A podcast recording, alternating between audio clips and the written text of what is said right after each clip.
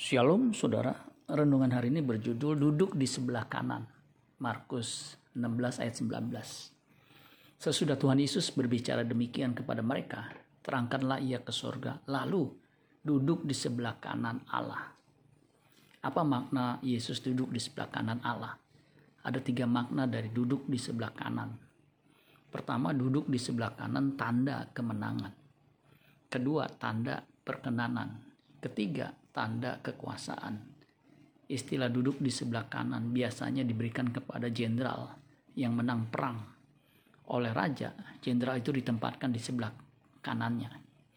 Kristus sudah menang atas kuasa dosa, atas kuasa kegelapan dengan kematian dan kebangkitannya. Maka ia duduk di sebelah kanan Allah, Bapa. 1 Korintus 15 ayat 54 sampai 57. Dan sesudah yang dapat binasa ini mengenakan yang tidak dapat binasa dan yang dapat mati ini mengenakan yang tidak dapat mati maka akan genaplah firman Tuhan yang tertulis. Maut telah ditelan dalam kemenangan. Hai maut di manakah kemenanganmu? Hai maut di manakah sengatmu? Sengat maut ialah dosa dan dos, kuasa dosa ialah hukum Taurat. Tetapi syukur kepada Allah yang telah memberikan kepada kita kemenangan oleh Yesus Kristus Tuhan kita. Matius 28 ayat 18. Yesus mendekati mereka dan berkata, Kepadaku telah diberikan segala kuasa di sorga dan di bumi. Yesus mencapai kesempurnaannya ketika hidup di bumi sebagai manusia yang saleh.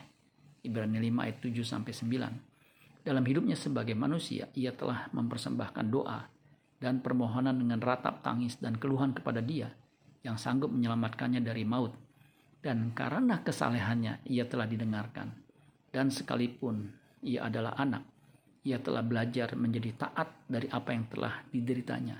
Dan sesudah ia mencapai kesempurnaannya, ia menjadi pokok keselamatan yang abadi bagi semua orang yang taat kepadanya. Jadi, duduk di sebelah kanan Allah bukan berarti secara hurufiah. Misalnya tangan kanan artinya orang kepercayaan yang diberi kuasa. Istilah ini harus dimengerti secara teologis dan filosofis, bukan materialis. Yesus menjadi Tuhan yang memerintah di dalam kerajaan kekal Bapa. Itulah sebabnya ia duduk di sebelah kanan Bapa. Kisah para Rasul 2 ayat 36. Jadi seluruh kaum Israel harus tahu dengan pasti bahwa Allah telah membuat Yesus yang kamu salibkan itu menjadi Tuhan dan Kristus. Filipi 2 ayat 11. Dan segala lidah mengaku Yesus Kristus adalah Tuhan bagi kemuliaan Allah Bapa. Amin buat firman Tuhan.